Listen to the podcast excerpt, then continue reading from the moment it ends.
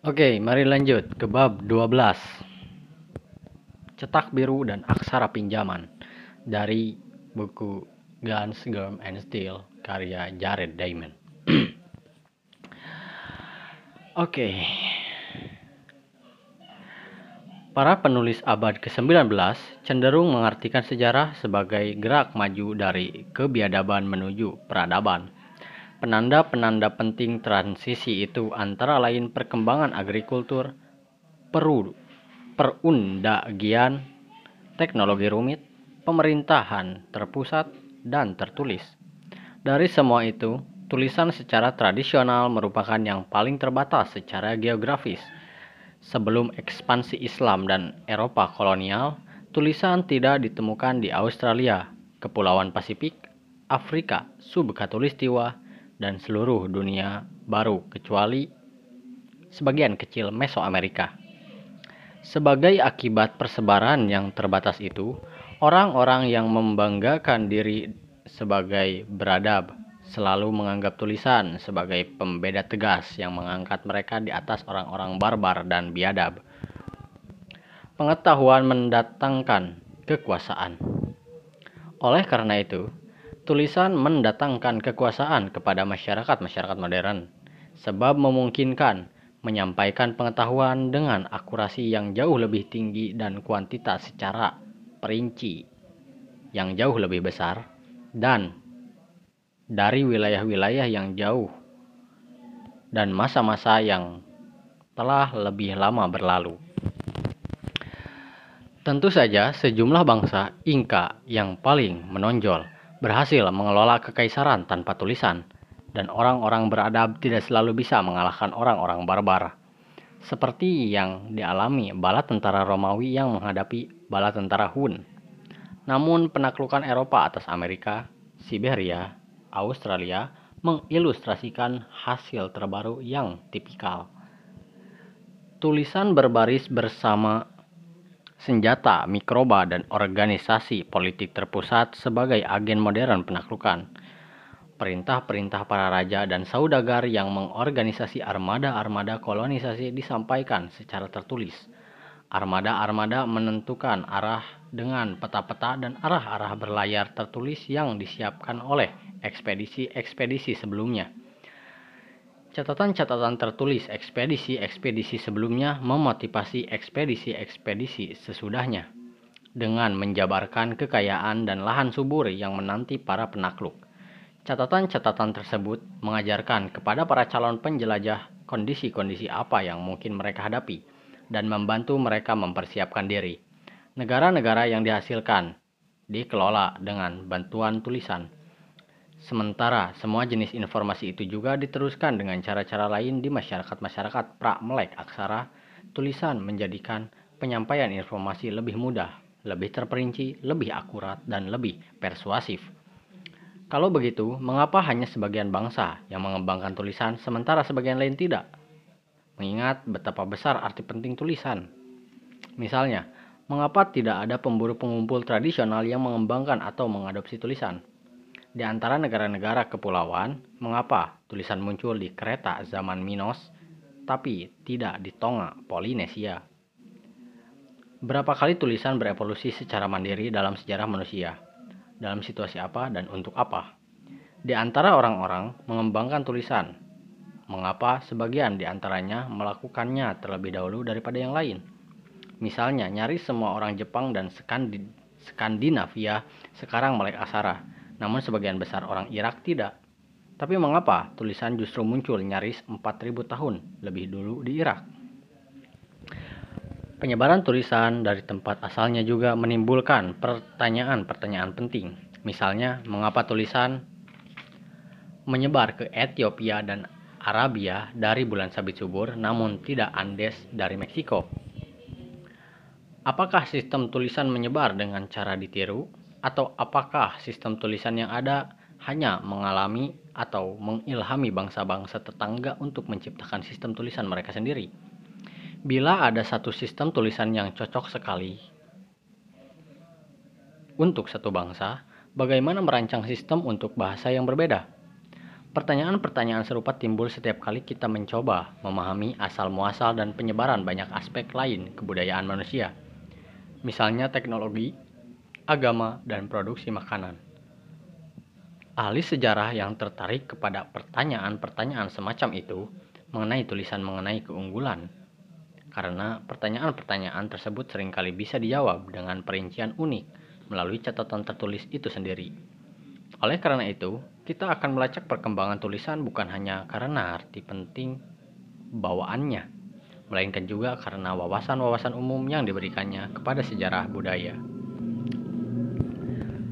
Tiga strategi dasar yang mendasari sistem tulisan memiliki perbedaan dalam hal ukuran unit lisan yang ditandai oleh satu lambang tertulis. Apakah satu bunyi dasar, satu suku kata, atau satu kata penuh? Di antara ketiganya, yang digunakan oleh sebagian besar orang saat ini adalah alfabet, yang idealnya menyediakan satu lambang unik, disebut huruf, untuk setiap bunyi dasar bahasa itu, fonem. Sebenarnya, kebanyakan alfabet terdiri hanya atas 20-30 huruf, dan kebanyakan bahasa memiliki lebih banyak fonem dari banyak huruf dalam alfabet mereka. Misalnya, bahasa Inggris menuliskan 40 fonem dengan 26 huruf saja.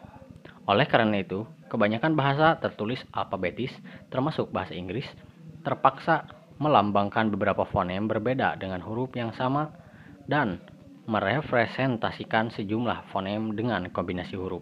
Misalnya, kombinasi dua huruf bahasa Inggris, sh, sh, dan th, yang masing-masing dilambangkan oleh huruf saja dalam alfabet Rusia dan Yunani. Strategi kedua menggunakan apa yang disebut logogram, yang berarti satu lambang tertulis mewakili satu kata utuh. Itulah fungsi banyak lambang dalam tulisan Cina dan sistem tulisan utama Jepang, disebut kanji. Sebelum penyebaran tulisan alfabetis, sistem-sistem yang banyak memanfaatkan logogram jauh lebih umum antara lain hieroglif Mesir, glif Maya, dan huruf Paku. Cuneiform Sumeria. Strategi ketiga yang paling tidak akrab dengan kebanyakan pembaca buku ini menggunakan satu lambang untuk setiap suku kata. Pada praktiknya, kebanyakan sistem tulisan semacam itu disebut sila bari, menyediakan tanda-tanda berbeda hanya untuk satu suku kata yang terdiri atas satu konsonan diikuti satu vokal, seperti suku-suku kata untuk kata family. Dan mengandalkan berbagai trik lain agar bisa menuliskan jenis-jenis suku kata lain dengan lambang-lambang itu. Silabari lazim, sibarali lazim pada masa lalu. Contohnya tulisan linear, linear B di Yunani mikene. Sejumlah silabari masih ada saat ini dengan yang paling penting adalah silabari kana yang digunakan orang-orang Jepang untuk menulis telegram, formulir bank, dan naskah untuk tunanetra. Saya secara sengaja mengistilahkan ketiga pendekatan ini sebagai strategi, bukan sistem tulisan. Tidak ada sistem tulisan sungguhan yang hanya menerapkan satu strategi saja. Tulisan Cina tidak murni logografik, seperti juga tulisan Inggris tidak murni alfabetik. Seperti semua sistem tertulis alfabetik, bahasa Inggris menggunakan banyak logogram seperti angka, logo dolar, logo persen, dan logo tambah bagi. Dengan kata lain, lambang-lambang mana suka, bukan terdiri atas unsur-unsur fonetik yang mempresentasikan kata-kata utuh. Linear B yang silabik memiliki banyak logogram, sementara hieroglif Mesir yang logografik mencakup juga banyak simbol silabik maupun alfabet virtual berupa huruf-huruf individual untuk setiap konsonan. Penciptaan sistem tulisan dari nol pastilah jumlah pastilah jauh lebih sulit daripada peminjaman atau mengadopsinya. Para juru tulis pertama harus menetapkan asas-asas dasar yang kini kita terima begitu saja Misalnya, mereka harus mencari tahu cara memotong-motong omongan yang sumbang menyambung menjadi satu satuan lisan. Terlepas dari apakah satuan-satuan itu dianggap sebagai kata, suku kata, atau fonem. Mereka harus belajar mengenali bunyi atau satuan lisan yang sama dalam segala variasi normal kita dari volume lisan, tinggi rendah nada, kecepatan, penekanan, pengelompokan frasa, dan kekhasan cara baca individual. Mereka harus menentukan bahwa sistem tulisan haruslah mengabaikan semua variasi itu. Mereka kemudian harus merancang cara-cara merepresentasikan bunyi menggunakan lambang dengan bagaimana para juru tulis pertama memecahkan semua masalah itu tanpa ada contoh hasil jadi apa pun di depan mereka sebagai panduan. Tugas itu terbukti sangat sulit sehingga hanya ada segelintir kejadian dalam sejarah ketika manusia menemukan tulisan sepenuhnya sendiri. Dua penciptaan tulisan yang tidak diragukan lagi mandiri dilakukan oleh orang-orang Sumeria, Mesopotamia, tak lama sebelum 3000 sebelum Masehi dan oleh orang-orang Indian Meksiko sebelum 6000 sebelum Masehi. Tulisan Mesir dari 3000 sebelum Masehi, tulisan Cina dari 1300 sebelum Masehi juga mungkin muncul secara mandiri. Barangkali semua bangsa lain yang mengembangkan tulisan sejak saat itu telah meminjam, mengadaptasi, atau setidaknya terilhami oleh sistem-sistem yang ada. Penciptaan mandiri yang bisa kita lacak dengan paling terperinci adalah sistem tulisan tertua dalam sejarah, tulisan paku Sumeria. Selama ribuan tahun sebelum tulisan paku ada, penduduk sejumlah desa tani di bulan Sabi Subur telah menggunakan penanda dari tanah liat dengan berbagai bentuk sederhana untuk keperluan pencatatan, misalnya mencatat jumlah domba dan padi-padian. Dalam abad-abad terakhir, sejumlah dalam abad-abad terakhir sebelum 3000 sebelum Masehi, perkembangan teknologi, format dan lambang pencat pencatatan segera menyebabkan lahirnya sistem tulisan pertama. Salah satu inovasi teknologi semacam itu adalah penggunaan lempeng tanah liat sebagai permukaan menulis yang nyaman. Pada awalnya, tanah liat digores dengan alat yang runcing, yang lama-kelamaan menjadi pena buluh untuk menggores tablet sehingga meninggalkan tanda. Perkembangan format mencakup penggunaan berangsur-angsur sejumlah aturan yang arti pentingnya kini diterima secara universal bahwa tulisan harus ditata menjadi baris atau kolom yang teratur. Baris horizontal untuk orang-orang Sumeria, seperti juga untuk orang-orang Eropa modern. Bahwa tulisan itu harus dibaca dengan arah yang konstan, kiri ke kanan untuk orang untuk orang-orang Sumeria seperti juga untuk orang-orang Eropa modern. Dan bahwa tulisan-tulisan itu harus dibaca dari atas ke bawah di lempeng tanah liat, bukan sebaliknya. Namun perubahan yang penting melibatkan pemecahan masalah yang mendasar bagi semua sistem tulisan. Bagaimana merancang tanda-tanda kasat mata yang disepakati yang mewakili bunyi lisan sungguhan, bukan hanya gagasan atau kata-kata tanpa menghiraukan cara bacanya.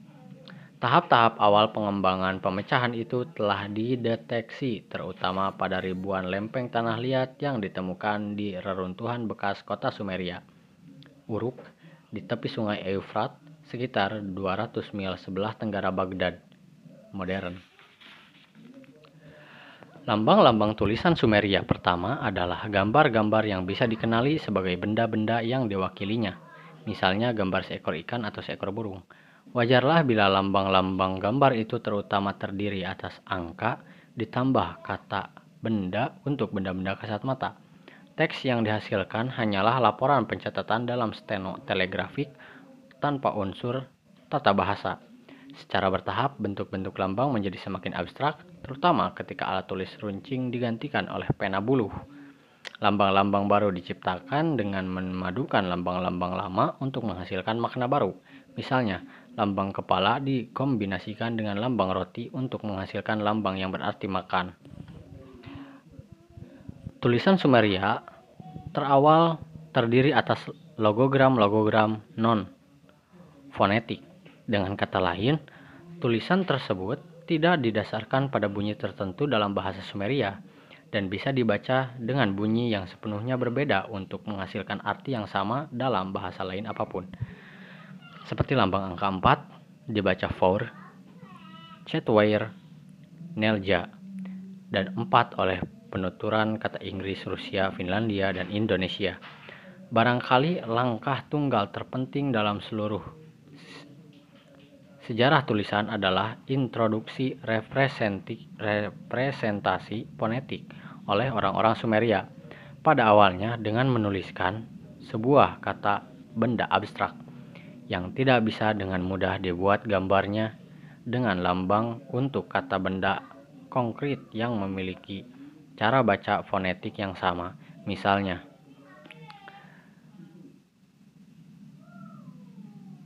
mudah membuat gambar anak panah yang mudah dikenali, sulit membuat gambar kehidupan yang mudah dikenali, namun keduanya dibaca ti dalam bahasa Sumeria, sehingga gambar sebuah anak panah lantas bisa berarti anak panah atau hidup.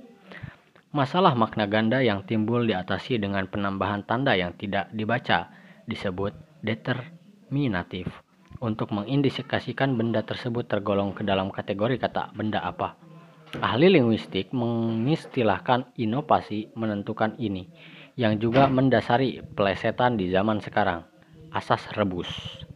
Begitu orang-orang Sumeria menemukan asas fonetik, mereka mulai menggunakannya untuk jauh lebih banyak tujuan daripada hanya menulis kata benda abstrak. Mereka memanfaatkan asas itu untuk menulis suku kata atau huruf yang menyusun akhiran tata bahasa. Misalnya, dalam bahasa Inggris, tidak jelas bagaimana membuat gambar suku kata yang umum dipakai, tion. Namun, sebagian sebagai gantinya, kita bisa membuat gambar yang mengilustrasikan kata kerja shun yang sama cara bacanya.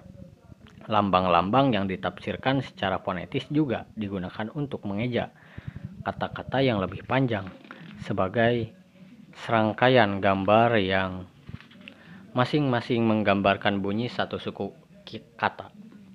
Seolah-olah seorang penutur bahasa Inggris menuliskan kata believe dengan gambar bi lebah diikuti gambar lief daun. Lambang fonetik juga memungkinkan juru tulis menggunakan lambang gambar yang sama untuk serangkaian kata terkait, misalnya gigi, omongan, dan pembicara. Namun, mengatasi makna ganda dengan lambang tambahan yang diinterpretasi secara fonetis, misalnya memilih lambang untuk dua masing-masing dan puncak. Dengan demikian, tulisan Sumeria lantas terdiri atas campuran kompleks tiga jenis lambang, logogram yang mengacu kepada kes, kes, keseluruhan kata atau nama, lambang fonetik yang digunakan untuk mengeja suku kata, huruf, unsur tata bahasa, dan bagian kata, dan determinatif yang tidak dibaca namun digunakan untuk membedakan makna ganda. Terlepas dari itu, lambang-lambang fonetik dalam tulisan Sumeria masih jauh dari menjadi silabari atau alfabet yang komplit. Sejumlah suku kata Sumeria tidak memiliki lambang tertulis apa pun. Lambang yang sama bisa dibaca dengan beberapa cara, dan lambang yang sama bisa dibaca sebagai satu kata, satu suku, atau satu huruf. Selain tulisan paku Sumeria, satu lagi contoh pasti kelahiran mandiri tulisan dalam sejarah manusia berasal dari masyarakat pribumi Amerika di Mesoamerika, barangkali Meksiko Selatan. tulisan Mesoamerika dipercaya muncul secara mandiri dari tulisan dunia lama. Karena tidak ada bukti meyakinkan kontak masyarakat dunia baru dengan masyarakat dunia lama yang memiliki tulisan sebelum kedatangan orang-orang Norse. Selain itu, bentuk lambang-lambang tulisan Mesoamerika sepenuhnya berbeda dari jenis tulisan dunia lama mana pun. Ada selusin jenis tulisan Mesoamerika yang diketahui. Semua atau sebagian besarnya tampaknya saling terkait, misalnya dalam segi sistem angka dan kalender. Dan kebanyakan di antaranya baru berhasil dipecahkan sebagian. Pada saat ini, jenis tulisan Mesoamerika paling tua yang masih ada berasal dari sekitar tahun 6000 sebelum Masehi di daerah Zapotec, Meksiko Selatan namun sejauh ini yang dipahami paling baik adalah tulisan wilayah Maya daratan rendah di mana penanggalan tertua yang tercantum berkesesuaian dengan 292 Masehi. Terlepas dari kelahirannya yang mandiri dan bentuk-bentuk lambangnya yang berbeda, tulisan Maya terorganisasi berdasarkan asas-asas yang pada dasarnya sama dengan tulisan Sumeria dan sistem-sistem tulisan era Asia Barat lainnya yang terilhami oleh Sumeria. Seperti tulisan Sumeria, tulisan Maya menggunakan logogram maupun lambang fonetik.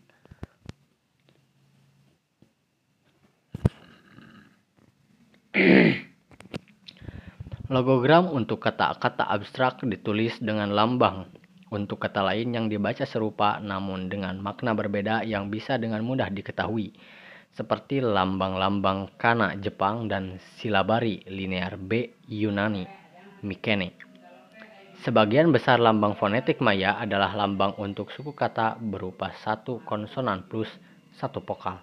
Misalnya, ta, te, ti, to, tu, seperti huruf-huruf alfabet Semit awal. Lambang-lambang silabik Maya berasal dari gambar barang-barang yang cara bacanya diawali oleh suku kata itu. Misalnya, lambang silabik Maya ne mirip dengan bentuk ekor yang dalam bahasa Maya disebut neh. Semua paralel antara tulisan Mesoamerika dan Erasia Barat kuno merupakan bukti universalitas yang mendasari kreativitas manusia. Sementara bahasa Sumeria dan Mesoamerika tidak punya hubungan khusus apa pun di antara bahasa-bahasa dunia. Keduanya menimbulkan masalah-masalah dasar yang serupa, yaitu bagaimana mereduksinya menjadi tulisan. Pemecahan-pemecahan yang orang-orang Sumeria ciptakan sebelum 3000 sebelum Masehi diciptakan kembali di sisi lain dunia oleh orang-orang Indian Mesoamerika awal sebelum 6000 sebelum Masehi. Dengan tulisan Mesir, Cina, dan Pulau Paskah yang barangkali merupakan kekecualian akan dibahas nanti. Semua sistem tulisan lain yang disusun di mana pun di dunia ini tampaknya merupakan turunan sistem-sistem yang dimodifikasi dari atau setidaknya terilhami oleh tulisan Sumeria atau Mesoamerika awal. Salah satu alasan mengapa sedikit sekali lahir tulisan secara mandiri adalah karena menciptakan tulisan begitu sulit, seperti yang telah kita bahas. Alasan lain adalah bahwa kesempatan-kesempatan lain penciptaan tulisan mandiri telah ditiadakan oleh tulisan Sumeria atau Mesoamerika awal beserta turunannya. Kita tahu bahwa perkembangan tulisan Sumeria memerlukan setidaknya ratusan, barangkali ribuan tahun, seperti yang akan kita lihat. Prasyarat-prasyarat bagi perkembangan-perkembangan itu terdiri atas beberapa ciri masyarakat manusia yang menentukan apakah tulisan itu akan bermanfaat bagi masyarakat dan apakah masyarakat bisa menyokong kehidupan para juru tulis khusus yang diperlukan. Banyak masyarakat manusia selain Sumeria dan Meksiko awal, misalnya masyarakat India, Kreta, dan Ethiopia kuno, mengembangkan prasyarat-prasyarat itu. Tapi orang-orang Sumeria dan Meksiko awal kebetulan menjadi yang pertama memiliki prasyarat-prasyarat tersebut di dunia lama dan dunia baru. Begitu orang-orang Sumeria dan Meksiko awal telah menciptakan tulisan, perincian atau asas-asas tulisan mereka menyebar dengan cepat ke masyarakat-masyarakat lain sebelum mereka bisa menempuh berabad-abad atau beribu-ribu tahun yang dibutuhkan untuk mencoba-coba mandiri dengan tulisan sendiri. Dengan demikian, potensi untuk percobaan mandiri lain pun ditiadakan atau digugurkan. Penyebaran tulisan menjadi dengan salah. Tulisan uh, penyebaran tulisan terjadi dengan salah satu dari dua metode yang bertentangan, yang paralelnya ditemukan di sepanjang sejarah teknologi dan gagasan. Seseorang menemukan sesuatu dan menggunakannya. Bagaimana Anda, calon pengguna lain, kemudian merancang sesuatu yang serupa untuk Anda gunakan sendiri dengan mengetahui bahwa orang-orang lain telah memiliki model mereka sendiri yang sudah jadi yang bisa dipakai. Ada kisaran bentuk penyampaian ciptaan semacam itu yang bisa kita asumsikan. Di satu ujung terdapat penyalinan cetak biru. Sewaktu kita menyalin atau memodifikasi cetak biru terperinci yang sudah tersedia. Di ujung yang satu lagi ada difusi gagasan sewaktu kita menerima hanya gagasan dasar dan harus menciptakan ulang perincian-perinciannya. Mengetahui bahwa hal itu bisa kita lakukan merangsang kita untuk mencoba melakukannya sendiri. Namun solusi spesifik kita akhirnya mungkin mirip dengan solusi penemu pertama. Mungkin juga tidak. Kalau kita tengok contoh yang belum lama terjadi, para ahli sejarah masih berdebat mana yang bersumbang sih lebih besar, penyalinan cetak biru ataukah difusi gagasan dalam pembuatan bom atom oleh Rusia. Apakah upaya Rusia membuat bom sepenuhnya bergantung kepada cetak biru bom Amerika yang telah dibuat, yang dicuri dan disampaikan ke Rusia oleh mata-mata, ataukah penggunaan bom atom Amerika di Hiroshima yang akhirnya meyakinkan Stalin bahwa bom semacam itu bisa dibuat dan bahwa para ilmuwan Rusia kemudian menciptakan ulang asas-asas tersebut dalam program mandiri yang diselenggarakan terburu-buru, nyaris tanpa panduan terperinci dari upaya Amerika. Pertanyaan-pertanyaan serupa muncul untuk sejarah perkembangan roda, piramida, dan mesiu. Sekarang mari kita kaji bagaimana penyalinan cetak biru dan difusi gagasan berkontribusi terhadap penyebaran sistem tulisan.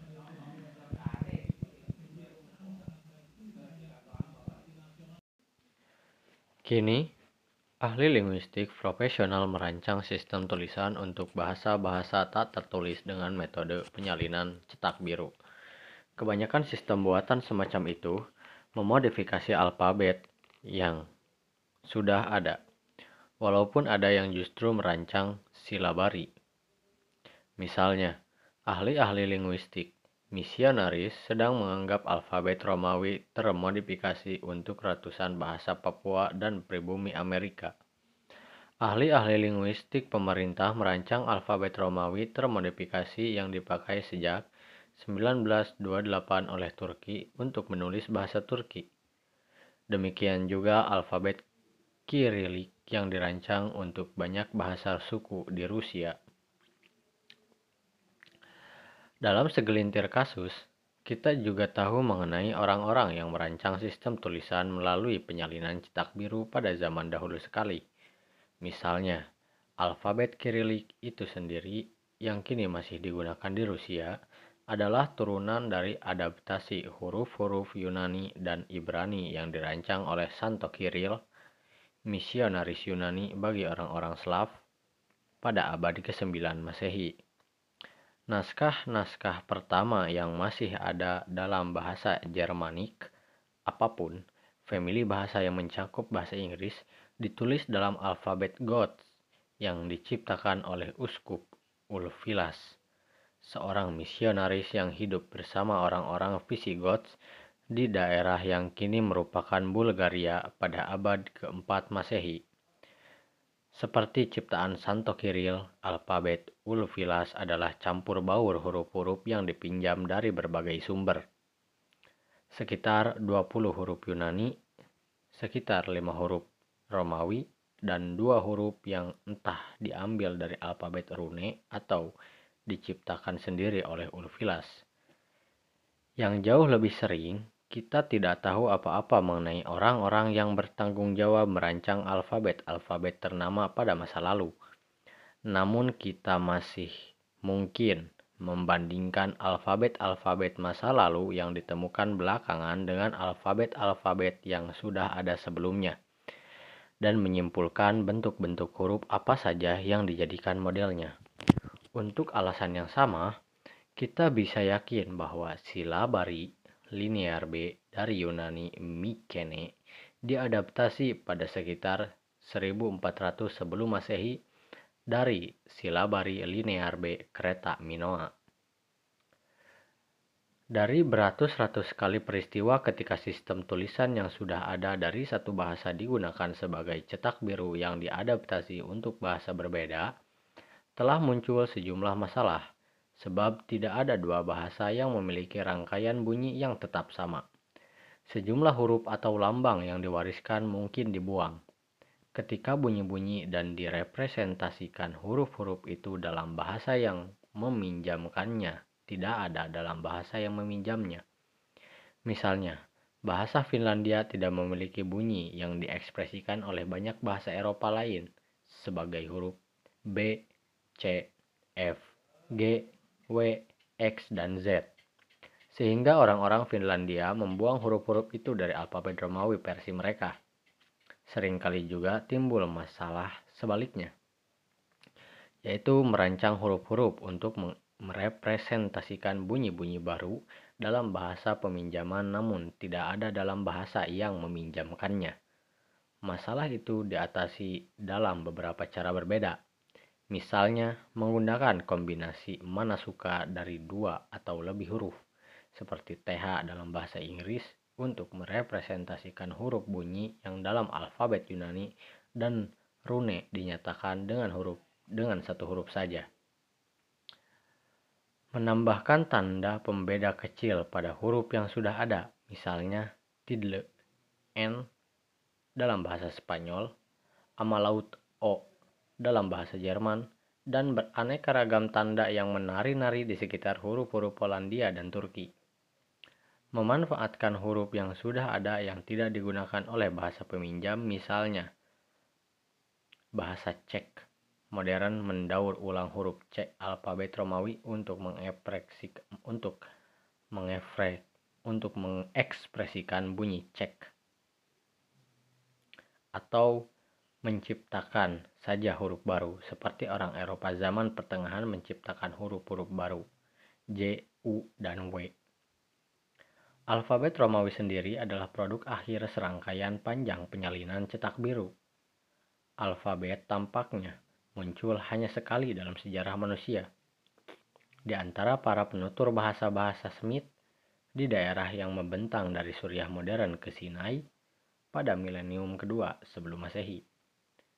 Sekian ratus alfabet yang ada pada zaman dahulu ataupun sekarang pada dasarnya berasal dari alfabet Semit zaman dahulu itu.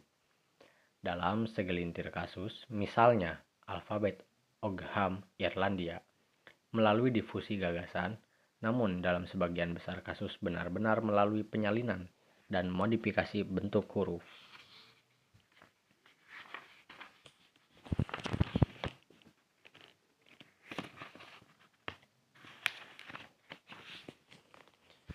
Evolusi alfabet bisa dilacak sampai ke hieroglif Mesir yang mencakup serangkaian lengkap 24 lambang untuk 24 konsonan Mesir.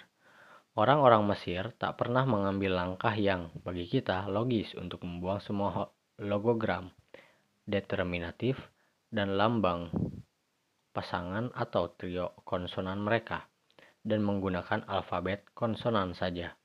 Tapi dimulai dari 1700 sebelum Masehi, orang-orang Semit yang familiar dengan hieroglif Mesir mulai mencoba-coba langkah logis itu Membatasi lambang hanya untuk konsonan tunggal saja hanyalah yang pertama dari tiga inovasi krusial yang membedakan alfabet dari sistem-sistem tulisan lain. Yang kedua adalah membantu penggunanya menghafal alfabet yang menempatkan huruf-huruf itu dalam urutan tertentu dan memberi mereka nama-nama yang mudah diingat. Nama-nama huruf dalam bahasa Inggris sebagian besar adalah monosilabel tanpa makna. A, B, C, D, dan seterusnya. Namun nama-nama Semit memang memiliki makna dalam bahasa-bahasa Semit. Mereka adalah kata-kata yang untuk benda-benda sehari-hari. Alefeh sama dengan lembu, bete sama dengan rumah, gimel sama dengan unta, deletih sama dengan pintu, dan seterusnya. Kata-kata Semit ini terkait secara okrofonis dengan konsonan-konsonan Semit yang mengacu kepadanya. Dengan kata lain, huruf pertama untuk benda itu juga merupakan huruf yang dinamai sesuai benda itu. A, B, G, D, dan seterusnya. Selain itu, bentuk-bentuk terawal huruf-huruf semit dalam banyak kasus tampaknya memang merupakan gambar untuk untuk benda-benda yang dimaksud semua ciri itu menjadikan bentuk, nama, dan urutan huruf-huruf alfabet Semit mudah diingat. Banyak alfabet modern, termasuk milik kita, tetap mempertahankan urutan yang asli dengan sedikit modifikasi. Dan dalam kasus bahasa Yunani, juga nama-nama asli huruf-huruf itu, alfa, beta, gamma, delta, dan seterusnya, lebih daripada 30.000 tahun setelahnya. Satu modifikasi kecil yang pasti telah disadari pembaca adalah huruf G dalam alfabet Semit dan Yunani menjadi C dalam alfabet Romawi dan Inggris. Sementara orang-orang Romawi menciptakan G baru di posisi di posisinya sekarang. Inovasi ketiga dan terakhir yang membawa ke alfabet modern adalah menyediakan huruf vokal. Pada hari-hari awal alfabet Semit, sudah ada coba-coba dengan berbagai kode atau metode untuk menuliskan huruf vokal dalam cara menambahkan huruf tambahan kecil untuk mengidentifikasi untuk mengindikasikan huruf vokal yang dipilih atau dengan titik, garis atau kait yang ditambahkan di atas huruf-huruf konsonan. Di abad ke-8 sebelum Masehi, orang-orang Yunani menjadi bangsa pertama yang yang menerapkan semua huruf vokal secara sistematis dengan jenis huruf yang sama dengan yang digunakan untuk konsonan. Orang-orang Yunani menurunkan bentuk-bentuk huruf vokal mereka a, e, u, i, o dengan memanfaatkan lima huruf yang digunakan dalam alfabet Peonik untuk huruf-huruf konsonan yang tidak ada dalam bahasa Yunani. Dari alfabet-alfabet Semit terawal itu, satu jalur penyalinan cetak biru dan modifikasi evolusi mengarah kepada alfabet Ethiopia modern melalui alfabet Arab awal. Satu lagi jalur yang lebih penting berevolusi melalui alfabet Aram yang digunakan untuk domes dokumen-dokumen resmi Kekaisaran Persia menjadi alfabet Arab modern, Ibrani, India, dan Asia Tenggara, huruf Jawi, Peni. Namun jalur yang paling akrab bagi para pembaca Eropa dan Amerika adalah yang mengarah ke alfabet Yunani melalui orang-orang Fenisia pada awal abad 8 sebelum Masehi, lantas ke orang-orang Etruska di abad yang sama, dan pada abad berikutnya ke orang-orang Romawi yang alfabetnya dengan sedikit modifikasi adalah yang digunakan untuk mencetak buku ini berkat potensi keunggulan penggabungan presisi yang dengan sederhana dengan kesederhanaan alfabet-alfabet kini digunakan di sebagian besar wilayah dunia modern. Meskipun penyalinan cetak biru dan modifikasi adalah pilihan paling sederhana untuk menyampaikan teknologi, pilihan tersebut terkadang tidak tersedia. Cetak biru mungkin dirahasiakan atau mungkin tidak bisa dibaca oleh orang-orang yang belum memahami teknologinya. Mungkin terdengar kabar mengenai ciptaan itu di suatu tempat yang jauh, namun perinciannya tak pernah tersampaikan.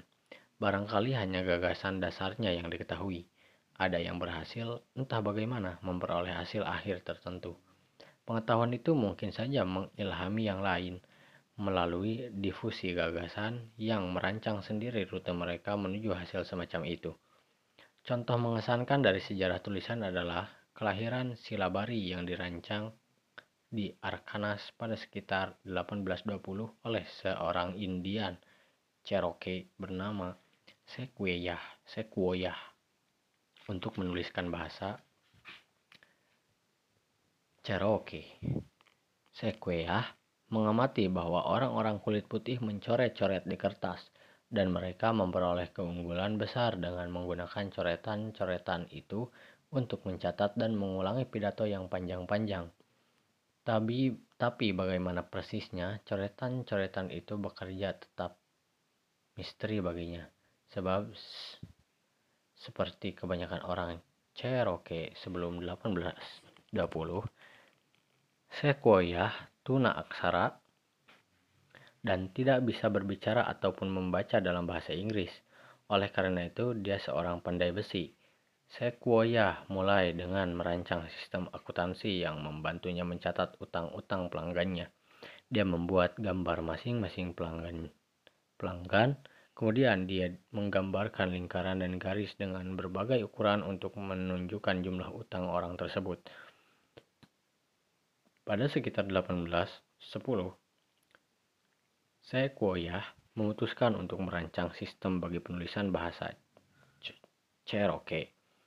Dia lagi-lagi mulai dengan membuat gambar-gambar, namun tidak melanjutkannya karena terlalu rumit dan merepotkan dari segi artistik. Dia lantas memulai menciptakan lambang-lambang terpisah untuk setiap kata dan Lagi-lagi tidak puas karena harus membuat ribuan lambang yang ternyata masih kurang. Akhirnya Sukoya menyadari bahwa kata-kata tersusun atau sejumlah terbatas potongan bunyi berbeda yang memicu berulang-ulang dalam banyak kata-kata berbeda yang kita sebut suku kata. Dia pada awalnya merancang 20 200 lambang suku kata dan secara bertahap menguranginya menjadi 85 Sebagian besar di antaranya, di antaranya lambang kombinasi satu konson dan satu vokal. Sebagai salah satu sumber lambang-lambang itu, Sequoia berlatih menyalin huruf-huruf dari buku belajar buku belajar mengeja bahasa Inggris yang diberikan kepadanya oleh seorang guru sekolah. Sekitar dua lusin lambang suku kata Cherokee-nya diambil langsung dari huruf-huruf itu, walaupun tentu saja dengan makna yang sepenuhnya berbeda, karena Sequoia tidak mengetahui maknanya dalam bahasa Inggris. Misalnya dia memilih untuk D, R, B, H untuk merepresentasikan suku kata Cherokee A, E, C, dan I. Sementara bentuk angka 4 dipinjam untuk suku kata C. Dia membuat lambang-lambang lain dengan memodifikasi huruf-huruf bahasa Inggris, misalnya merancang lambang-lambang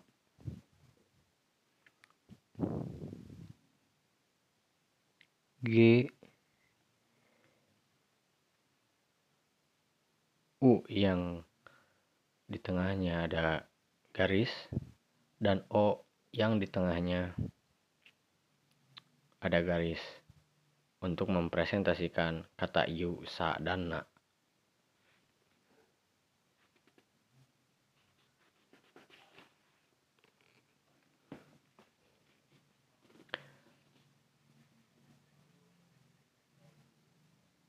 Perangkat simbol yang Sukoya rancang untuk mewakili suku-suku kata bahasa Cherokee bisa dilihat di bukunya langsung ya pemirsa.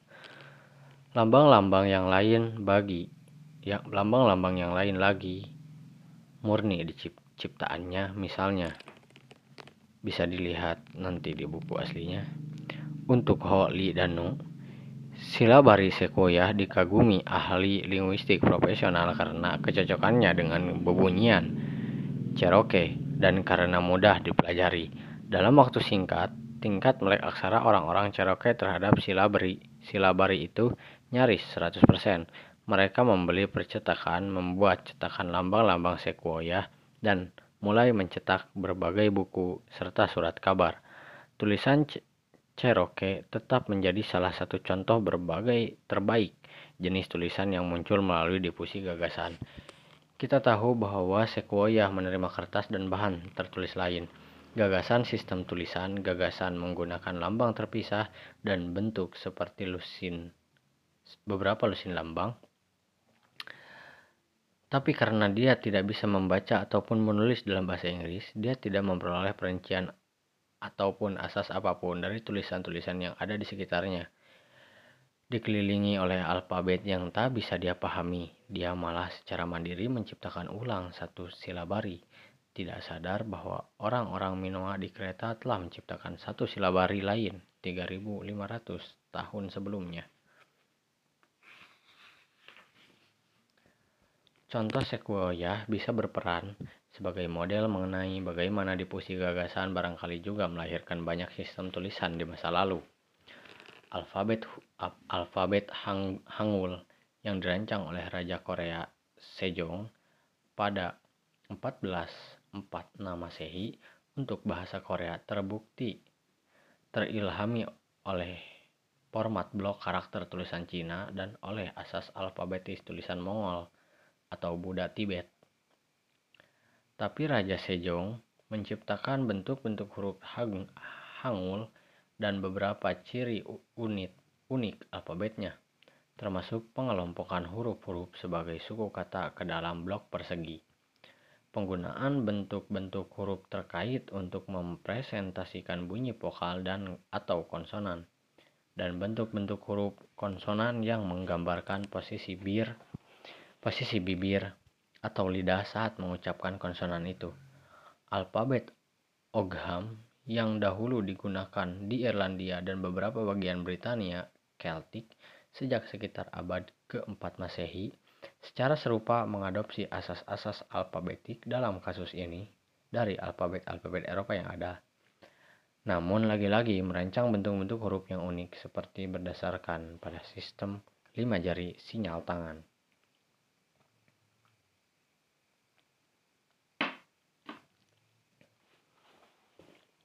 Kita bisa secara yakin menyatakan bahwa alfabet Hangul dan Ogam sebagai hasil difusi gagasan, bukan penciptaan mandiri dalam isolasi. Sebab kita tahu bahwa kedua masyarakat menjalin kontak akrab dengan masyarakat-masyarakat yang memiliki tulisan, dan karena jelas diketahui jenis tulisan asing mana yang menjadi ilhamnya. Sebaiknya kita bisa secara yakin menyatakan bahwa tulisan Paku Sumeria dan tulisan Mesoamerika terawal – merupakan hasil penciptaan mandiri, karena pada masa kemunculan mereka pertama kali, tak ada jenis tulisan lain di belahan dunia tempat mereka berada yang bisa mengilhami mereka. Yang masih menjadi bahan perdebatan adalah asal-muasal tulisan di Pulau Paskah, Cina, dan Mesir. Orang-orang Polinesia yang hidup di Pulau Paskah di Samudra Pasifik memiliki jenis tulisan yang unik, yang Contoh tertuanya yang masih ada berasal baru dari 1851 Masehi, lama setelah orang-orang Eropa mencapai Pulau Paskah pada 1722. Barangkali tulisan timbul secara mandiri di Pulau Paskah sebelum orang-orang Eropa tiba, walaupun tak ada contoh yang masih ada. Namun tafsir paling sederhana adalah memahami fakta-fakta itu apa adanya dan menganggap bahwa orang-orang Paskah tergerak untuk merancang sejenis tulisan setelah melihat pernyataan pencaplokan wilayah tertulis yang diserahkan satu ekspedisi Spanyol kepada mereka pada 1770. Kalau soal tulisan Cina, yang tertua diketahui berasal dari 1300 sebelum Masehi. Namun mungkin ada pendahulunya yang lebih tua. Memang tulisan Cina memiliki lambang-lambang lokal yang unik dan sejumlah asas yang unik dan kebanyakan cendekiawan mengasumsikan tulisan tersebut berevolusi secara mandiri. Tulisan telah berkembang sebelum 3000 sebelum Masehi di Sumeria, 6400 km di sebelah barat pusat-pusat perkotaan Cina awal. Namun, tidak ada sistem tulisan awal yang diketahui di seluruh wilayah yang terbentang antara lembah Indus dan Cina. Dengan demikian, kita tidak ada bukti bahwa para penjuru tulis terawal Cina tahu tentang sistem tulisan lain apa pun yang lantas mengilhami mereka. Hieroglif Mesir, sistem tulisan kuno paling terkenal yang biasanya diasumsikan sebagai hasil penciptaan mandiri, namun tafsir alfabetif alternatif berupa difusi gagasan berkemungkinan lebih besar lebih besar benar dibandingkan dalam kasus tulisan Cina. Tulisan hieroglif muncul cukup mendadak dalam bentuk nyaris sempurna pada sekitar 3000 sebelum Masehi. Mesir hanya terletak 1300 km di sebelah barat Sumeria yang telah menjalin hubungan perdagangan dengan Mesir. Saya curiga karena tidak ada bukti perkembangan bertahap hieroglif yang kita dapati. Walaupun iklim kering Mesir bagus sekali untuk mengawetkan tulisan coba-coba sebelumnya. Dan walaupun iklim kering yang serupa di Sumeria telah menghasilkan bukti melimpah bagi perkembangan tulisan paku Sumeria selama setidaknya beberapa abad sebelum 3000 sebelum Masehi. Yang sama mencurigakannya adalah kemunculan beberapa sistem tulisan lain yang seolah dirancang secara mandiri di Iran, Kreta, dan Turki. Disebut tulisan Proto-Elamit piktograf Kreta, dan hieroglif Hit Hittite. Setelah kemunculan tulisan Sumeria dan Mesir, walaupun masing-masing sistem itu menggunakan perangkat lampang berbeda yang tidak dipinjam dari Mesir ataupun Sumeria, orang-orang yang terlibat nyaris mustahil tidak menyadari tulisan yang dimiliki oleh tetangga-tetangga yang menjadi mitra dagang mereka. Kok luar biasa sekali bila setelah jutaan tahun, keberadaan manusia tanpa tulisan, semua masyarakat Mediterania dan Timur dekat itu mendadak masing-masing memperoleh gagasan tulisan secara mandiri dengan hanya selang waktu beberapa abad satu sama lain. Oleh karena itu, sepertinya tafsir yang masuk akal bagi saya adalah difusi gagasan, seperti dalam kasus silabari Sequoia. Dengan kata lain, orang-orang Mesir dan bangsa-bangsa lain mungkin mempelajari dari orang-orang Sumeria mengenai gagasan tulisan dan barangkali mengenai sebagian asasnya, namun kemudian merancang sendiri asas-asas lain dan segala bentuk spesifik huruf. Mari sekarang kita kembali ke pertanyaan utama yang mengawali bab ini. Mengapa tulisan muncul pada beberapa masyarakat dan kemudian menyebar ke masyarakat lain? Namun tidak pada masyarakat lain.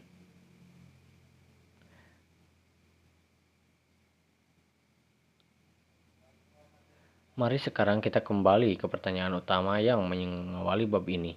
Mengapa tulisan muncul pada beberapa masyarakat dan kemudian menyebar ke masyarakat lain namun tidak ke masyarakat lainnya?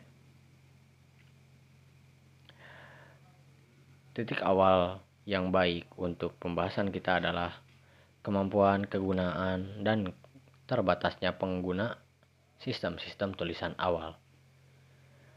Jenis-jenis tulisan awal tidak lengkap, bermakna ganda, rumit, atau ke, atau ketiga-tiganya sekaligus. Contohnya tulisan Paku Sumeria tertua tidak bisa dipakai menuangkan prosa normal, namun hanya merupakan steno telegraf saja, yang kosakatanya terbatas kepada nama, angka, satuan ukuran, kata-kata untuk benda terhitung, dan segelintir kata sifat. Seolah-olah seorang justru catat pengadilan Amerika modern terpaksa menulis John 27 domba gemuk karena tulisan bahasa Inggris tidak punya kata-kata dan tak dan tata bahasa yang diperlukan untuk menuliskan kami memerintahkan John untuk menyerahkan 27 ekor domba gemuk yang merupakan utangnya ke pemerintah. Tulisan Paku Sumeria yang lebih baru memang akhirnya bisa dipakai menuangkan prosa, namun dengan sistem kacau yang telah saya jabarkan, dengan campuran logograf, lambang fonetik, dan, dan determinatif yang tak dibaca. Dengan total 100 lambang berbeda. Linear B, tulisan Yunani Mikene, setidaknya lebih sederhana, didasarkan pada silabari dengan sekitar 90 lambang plus logogram. Kekurangannya adalah linear B cukup banyak bermakna ganda. Konsonan apa pun yang ada di ujung kata dibuang dan beberapa konsonan yang berad yang terkait ditulis dengan lambang yang sama. Misalnya satu lambang untuk I dan R, satu lagi untuk P, B dan PB, serta satu untuk Gake, dan KH. Kita tahu betapa membingungkannya ketika penutur asli bahasa Jepang berbicara dalam bahasa Inggris tanpa membedakan L dan R. Bayangkan bingungnya kita bila alfabet kita juga begitu dan secara serupa meng menghomogenisasi konsonan-konsonan lain yang saya sebutkan. Seolah-olah kita harus mengeja kata-kata raf, lap, lab, dan laug secara persis sama. Batasan yang terkait dengan itu adalah sedikit sekali orang-orang yang belajar menulis tulisan-tulisan awal. Pengetahuan tulisan terbatas pada juru tulis profesional yang dipekerjakan oleh raja atau kuil. Misalnya tak ada bukti bahwa linear B digunakan atau dipahami oleh orang Yunani Mikene mana pun selain sekelompok kecil birokrat istana. Oleh karena judul tulis linear B dapat dibedakan melalui tulisan tangan mereka pada dokumen-dokumen yang masih ada, kita bisa katakan bahwa semua dokumen linear B yang masih ada dari istana Knossos adalah hasil karya 75 juru tulis, sementara dari istana Pilos hasil karya 40 juru tulis. Penggunaan jenis tulisan awal yang telegrafik, berantakan, dan bermakna ganda itu sama terbatasnya dengan jumlah penggunaannya. Sama terbatasnya dengan jumlah penggunanya. Siapa pun yang berharap mengetahui bagaimana orang-orang Sumeria pada 3000 sebelum Masehi berpikir dan merasa bakalan kecewa. Naskah-naskah Sumeria pertama justru berupa catatan tanpa emosi buatan birokrat istana dan kuil. Sekitar 90% tablet dalam arsip Sumeria tertua yang diketahui dari kota Uruk adalah catatan juru tulis mengenai barang-barang yang dibayarkan, pekerja yang diberi jatah makan, dan produk tani yang diedarkan. Baru nantinya, ketika orang-orang Sumeria mengalami kemajuan dari logograf menjadi tulisan fonetik, mereka mulai menulis narasi prosa, misalnya propaganda dan mitos. Orang-orang Yunani Mekene bahkan tidak pernah mencapai tahap propaganda dan mitos itu. Sepertiga dari semua tablet linear B dan dari istana Knossos adalah catatan akuntan mengenai domba dan wall sementara sebagian besar tulisan di istana Pilos terdiri atas catatan tentang Rami. Sifat dasar linear B sedemikian bermakna ganda sehingga jenis tulisan itu tetap terbatas untuk catatan-catatan istana yang konteks dan pilihan katanya yang terbatas menjadikan interpretasi pun jelas. Tidak sekelumit pun penggunaan linear B untuk sastra yang masih ada. Ilyas dan Odisea, Odisea digubah dan disampaikan oleh pendendang-pendendang tuna aksara kepada pendengar-pendengar yang tuna aksara dan baru dituliskan ratusan tahun kemudian setelah alfabet Yunani dikembangkan. Penggunaan yang terbatas semacam itu juga terjadi pada tulisan Mesir, Mesoamerika, dan Cina awal hieroglif Mesir awal adalah rekaman propaganda agama dan negara serta catatan-catatan birokratik. Tulisan Maya yang masih ada juga diabadikan untuk propaganda, kelahiran, penobatan dan kemenangan raja-raja, serta pengamat astronomi para pendeta. Tulisan Cina tertua yang masih ada dari dinasti Shang akhir terdiri atas ramalan agama mengenai urusan-urusan dinasti yang diguratkan ke apa yang disebut tulang peramal. Contoh naskah Shang, raja yang membaca makna retakan pada tulang yang retak akibat dipanaskan, berkata, bila anak itu dilahirkan pada hari Keng, maka itu peruntungan yang sungguh bagus. Bagi kita sekarang, ada godaan untuk menanyakan mengapa masyarakat-masyarakat yang memiliki sistem tulisan awal menerima kegandaan makna yang membatasi, yang membatasi tulisan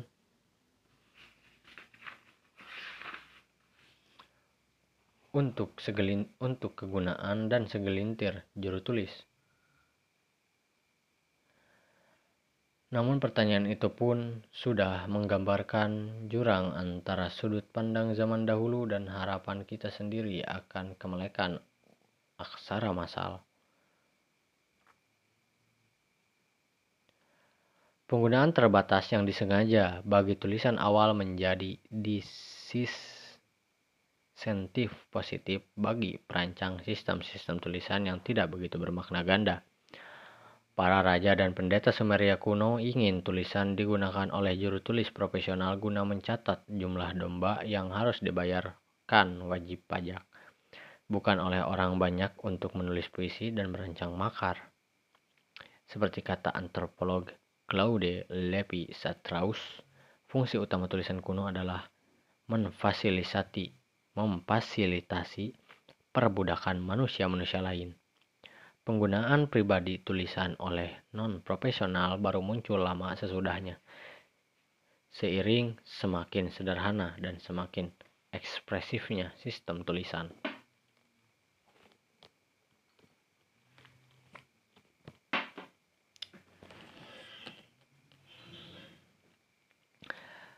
Misalnya, seiring jatuhnya peradaban Yunani Mikene sekitar 1200 sebelum Masehi, Linear B pun lenyap dan Yunani kembali ke zaman praaksara.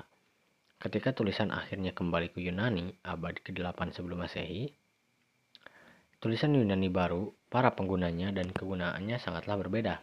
Tulisan itu bukan lagi silabari bermakna ganda yang bercampur dengan logogram, melainkan alfabet yang dipinjam dari alfabet konsonantal Fenisia dan ditambah huruf vokal yang diciptakan orang Yunani. Sebagai ganti daftar domba yang yang hanya dimengerti para juru tulis dan dirancang hanya di istana, tulisan alfabetik Yunani sejak kemunculannya adalah wahana puisi dan humor untuk dibacakan di rumah-rumah pribadi.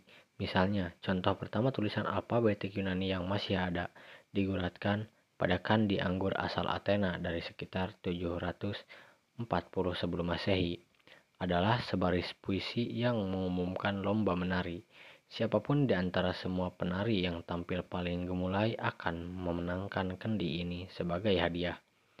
Contoh berikutnya adalah tiga baris heksameter daktilik yang diguratkan pada cangkir minuman. Akulah cangkir minuman indah milik Nestor.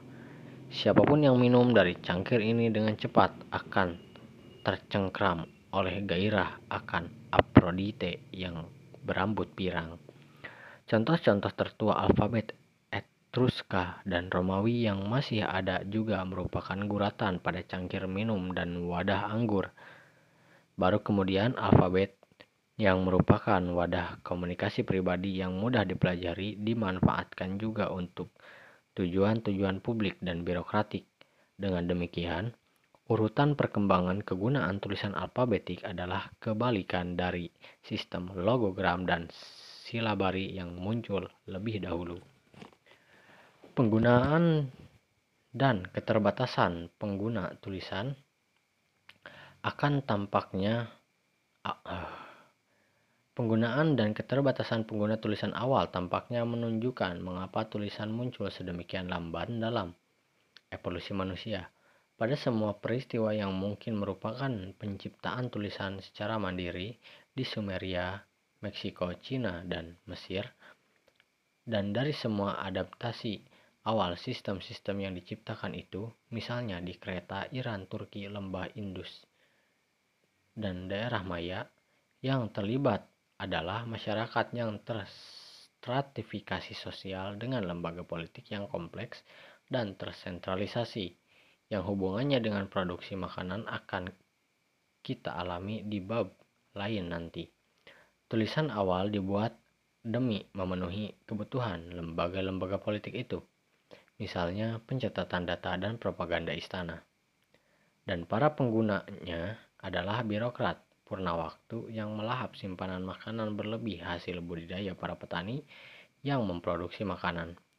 Tulisan tak pernah dikembangkan atau bahkan diadopsi oleh masyarakat-masyarakat pemburu pengumpul, sebab mereka tidak memiliki kebutuhan institusional bagi tulisan awal maupun mekanisme sosial dan agrikultural untuk menghasilkan kelebihan makanan yang dibutuhkan untuk memberi makan para juru tulis. Dengan demikian, produksi makanan dan ribuan tahun evolusi masyarakat setelah adopsi produksi makanan merupakan hal yang diperlukan bagi evolusi tulisan dan juga evolusi mikroba yang menyebabkan penyakit epidemi manusia. Tulisan muncul secara mandiri hanya di bulan sabit subur, Meksiko dan barangkali Cina. Memang karena daerah-daerah itu adalah tempat produksi makanan muncul pertama kali di belahan bumi masing-masing. Begitu diciptakan oleh segelintir masyarakat, tulisan lantas menyebar melalui perniagaan, penaklukan, dan agama ke masyarakat-masyarakat lain dengan ekonomi dan organisasi politik serupa. Sementara produksi makanan merupakan kondisi yang diperlukan bagi evolusi atau adopsi awal tulisan. Kondisi itu tidaklah mencukupi. Di awal bab ini, saya menyinggung soal kegagalan sejumlah masyarakat produsen makanan dengan organisasi politik kompleks dalam mengembangkan atau mengadopsi tulisan sebelum zaman modern. Kasus-kasus itu yang pada awalnya sedemikian membingungkan bagi kita, orang-orang modern yang terbiasa memandang tulisan sebagai bagian tak terpisahkan dalam masyarakat yang kompleks, mencakup salah satu negara terbesar di dunia pada 1520 Masehi, Inka di Amerika Selatan. Ada pula Proto Kekaisaran Maritim Tonga, negara Hawaii yang muncul di akhir abad ke-18. Semua negara dan suku di Afrika Subkatulistiwa dan Afrika Barat Sub-Sahara sebelum Islam tiba, dan masyarakat-masyarakat terbesar penduduk asli Amerika Utara yang hidup di lembah Mississippi di anak-anak sungainya. Mengapa semua masyarakat itu gagal memperoleh tulisan? meskipun memenuhi prasyarat yang sama dengan masyarakat-masyarakat yang memperoleh tulisan. Di sini kita harus mengingat diri bahwa sebagian besar masyarakat yang memiliki tulisan memperolehnya dengan cara meminjam dari tetangga atau diilhami oleh tetangga untuk mengembangkannya, bukan menciptakannya sendiri secara mandiri. Masyarakat-masyarakat tanpa tulisan yang, yang baru saja disebutkan adalah yang memulai produksi makanan lebih belakangan daripada Sumeria, Meksiko, dan Cina. Satu-satunya ketidakpastian dalam pernyataan ini adalah mengenai waktu relatif munculnya produksi makanan di Meksiko dan di Andes, yang nantinya termasuk ke dalam wilayah Inka.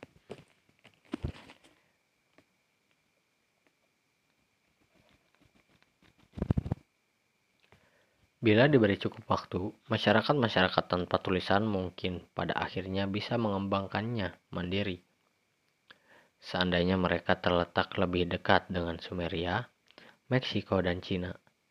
Mungkin mereka justru memperoleh tulisan atau gagasan mengenai tulisan dari pusat-pusat itu, seperti juga India, Maya, dan sebagian besar masyarakat lain yang memiliki tulisan namun mereka terlalu jauh dari pusat-pusat pertama tulisan sehingga tidak memperolehnya sebelum zaman modern. Arti penting isolasi paling jelas pada kasus Hawaii dan Tonga, yang keduanya terpisahkan oleh samudra selebar setidaknya 6.400 km dari masyarakat terdekat yang memiliki tulisan. Masyarakat-masyarakat lain mengilustrasikan poin penting bahwa istilah dunia hanya selembar daun kelor tidaklah berlaku bagi isolasi manusia.